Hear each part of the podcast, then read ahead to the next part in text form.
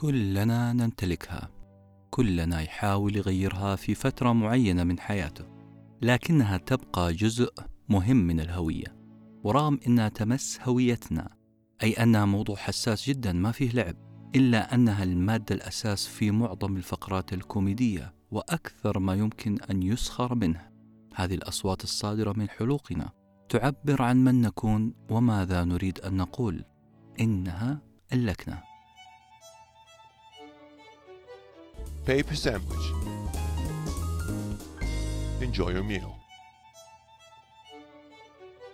كلمة بوش هي الكلمة المفتاح لليوم والكلمة الختام كلمة حتسمعها كثير من البريطانيين البريطانيين اللي تمتاز جزيرتهم الصغيرة بأنها تحتوي على مئات اللهجات المحلية المختلفة كلما تحركت عشرة كيلومتر شمالا أو جنوبا شرقا أو غربا في بريطانيا ستجد الناس يتحدثون بلكنة مختلفة. كلمة بوش هي كلمة مألوفة لدى متخصصي اللغويات التطبيقية والمهتمين بالبرستيج البريطاني.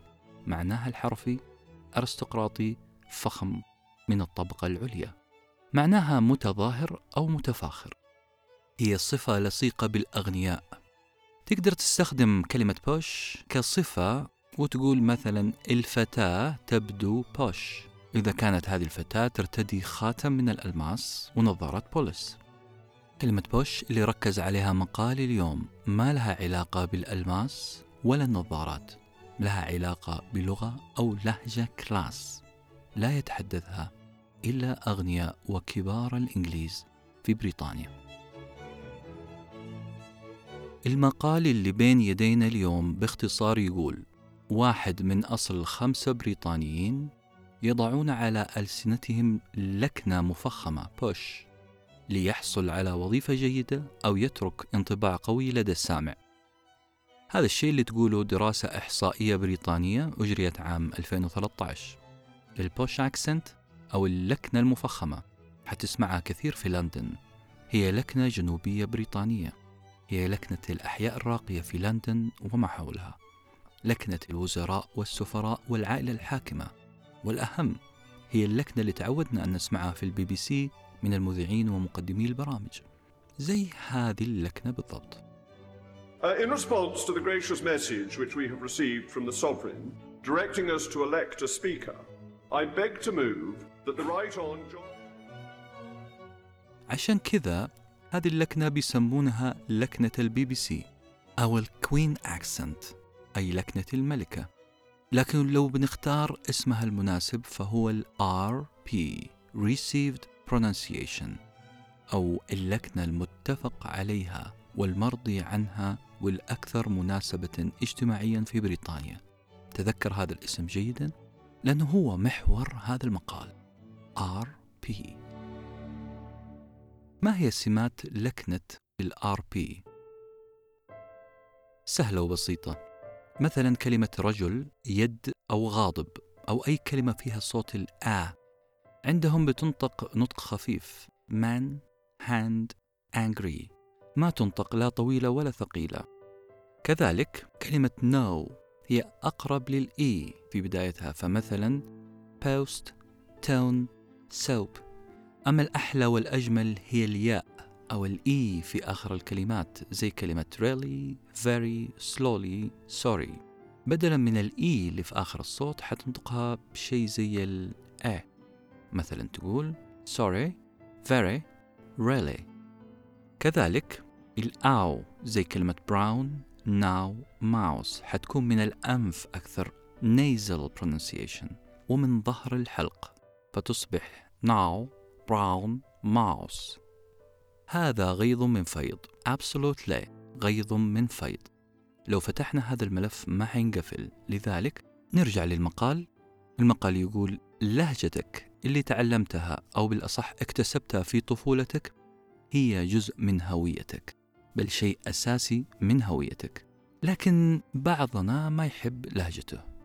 بعضنا ما يحب يتحدث بلكنته الأم. ليه؟ لأسباب عملية بحتة. المقال يقول واحد من أصل كل خمسة بريطانيين بيغيروا طريقتهم اللي يتحدثوا فيها بيغيروا اللكنة وذلك رغبة منهم للظهور بشكل more sophisticated أكثر تعقيدا أو أكثر ارستقراطية يستخدموها في المقابلات الشخصية داخل عملهم أو في بعض الاجتماعات العامة. النقطة الأهم في المقال واللي حنركز عليها كثير كثير من الأشخاص أجبروا على ترك لكنتهم المنطقية والمحلية لحساب لكنة أخرى أكثر برستيجا سؤال يدور في بالي واحتمال يكون يدور في بالك هل الإنجليز يشعرون بالعار من لكنتهم؟ هل هنالك بعض الإنجليز بيستحوا من طريقة نطقهم؟ تخيل يا عزيزي أن الإجابة نعم كثير من الإنجليز بيشعر بالخزي من لكنته مثلا أهل مدينة برمنغهام الصناعية. ثالث أكبر مدن إنجلترا وأكبر مدن منطقة ال Black Country Black Country اللي سميت بالمنطقة السوداء نظرا لأن دخان المصانع بيغطي المنطقة بالسواد وأنت تتفرج عليها من الطائرة. متحدثي لهجة برمنغهام يشعرون بالخزي أو بالأصح يشعرون بأن لكنتهم stigmatized أو ملوثة. ملوثة إعلاميا. كما لوثت أجواء مدينتهم. متحدثي ال Brummie أو لهجة برمنغهام يعتقدون في قرارة نفسهم بأنه صعب جدا الحديث بهذه اللكنة في المجالس العامة. صعب أن تكسب احترام الناس بالحديث بهذه اللكنة. لهجة ال Brummie B R U M M Y يقال إنها لهجة محاربة في بريطانيا. فقط لأن سكانها من طبقة عمالية لا تحمل البرستيج الكافي والجاذب للمتحدثين.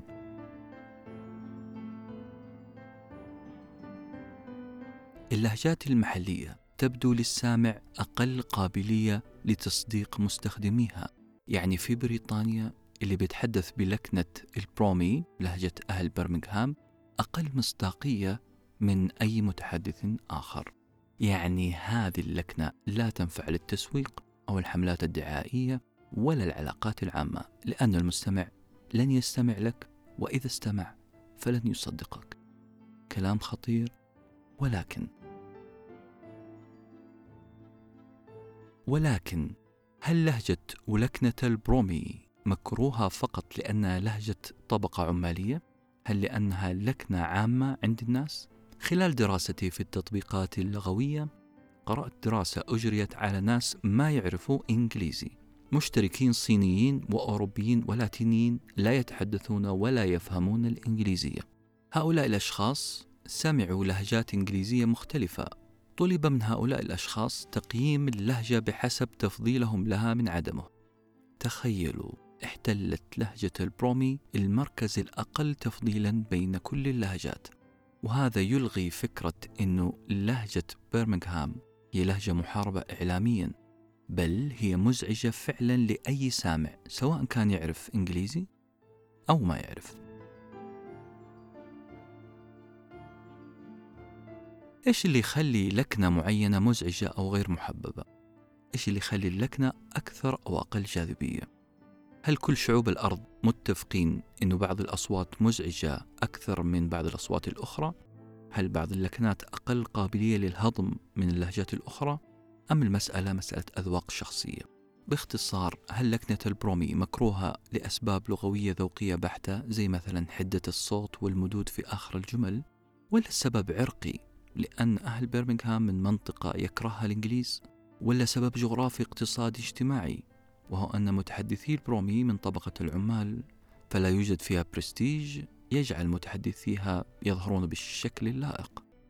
أم السبب اقتصادي سياسي وهو أن برمنغهام قاعدة تتسارع في الضخامة والنمو وبدأت تسيطر على المدن الكبرى في بريطانيا. المناطق الأخرى قاعدة تحاول تضغط على برمنغهام بهذه الطريقة وبتشويه سمعة سكانها ولكنتهم. سؤال يحتاج إجابة عاجلة خاصة لو أسقطنا هذا الكلام على منطقتنا العربية. ما الذي يجعل لهجة أو لكنة أقل قبولا عند الناس؟ وما الذي يجعل أخرى أكثر قبولا؟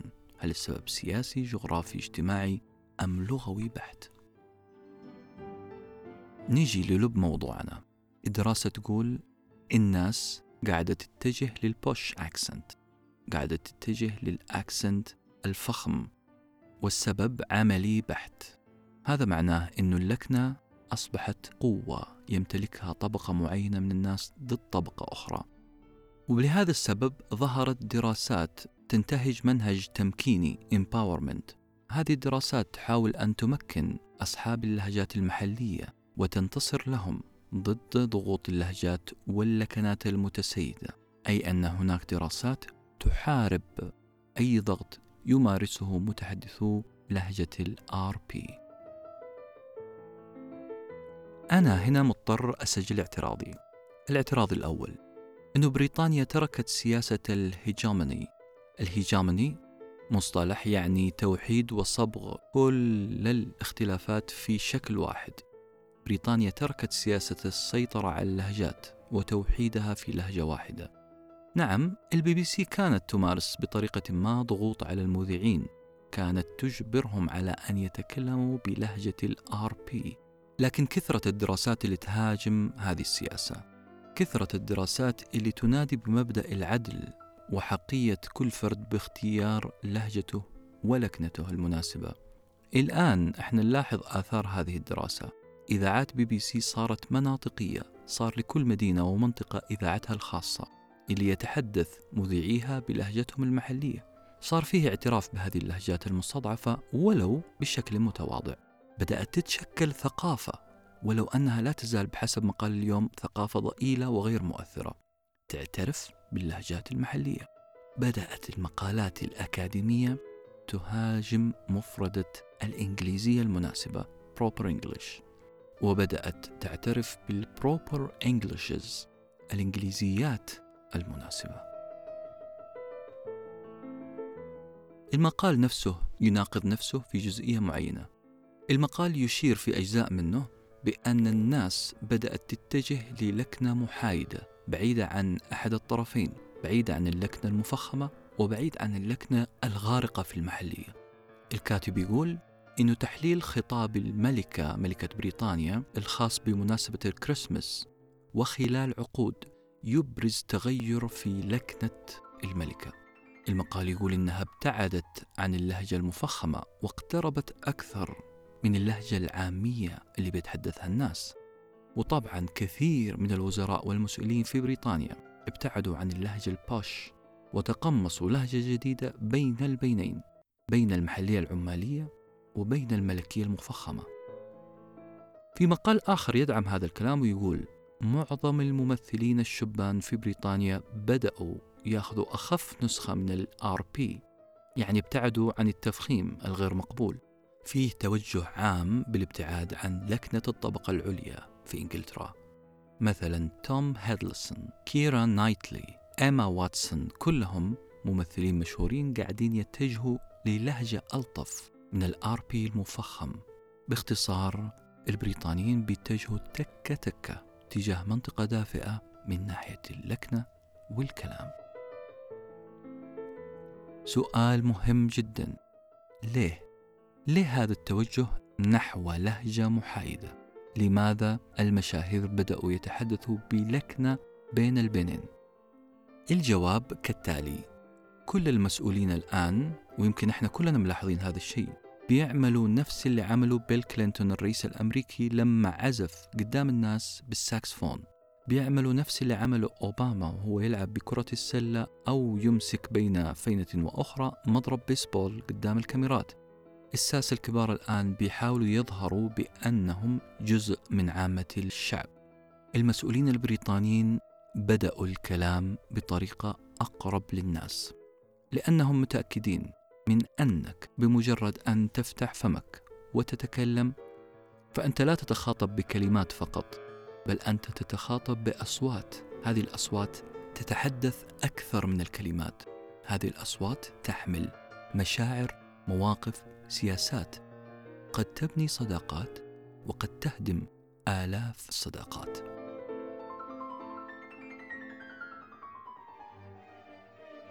في النهاية نقول اللغة شيء عبقري وعظيم ودراسة اللغة سواء كانت دراسة خصائصها أو تطبيقاتها شيء أعظم لأنك بالنقاش في هذه المواضيع حتفتح باب لخاصية إنسانية صرفة عالمنا العربي وإن كانت له محاولات للخوض في تطبيقات اللغة واللهجات بالخصوص إلا أنها محاولات محمرة الخدين.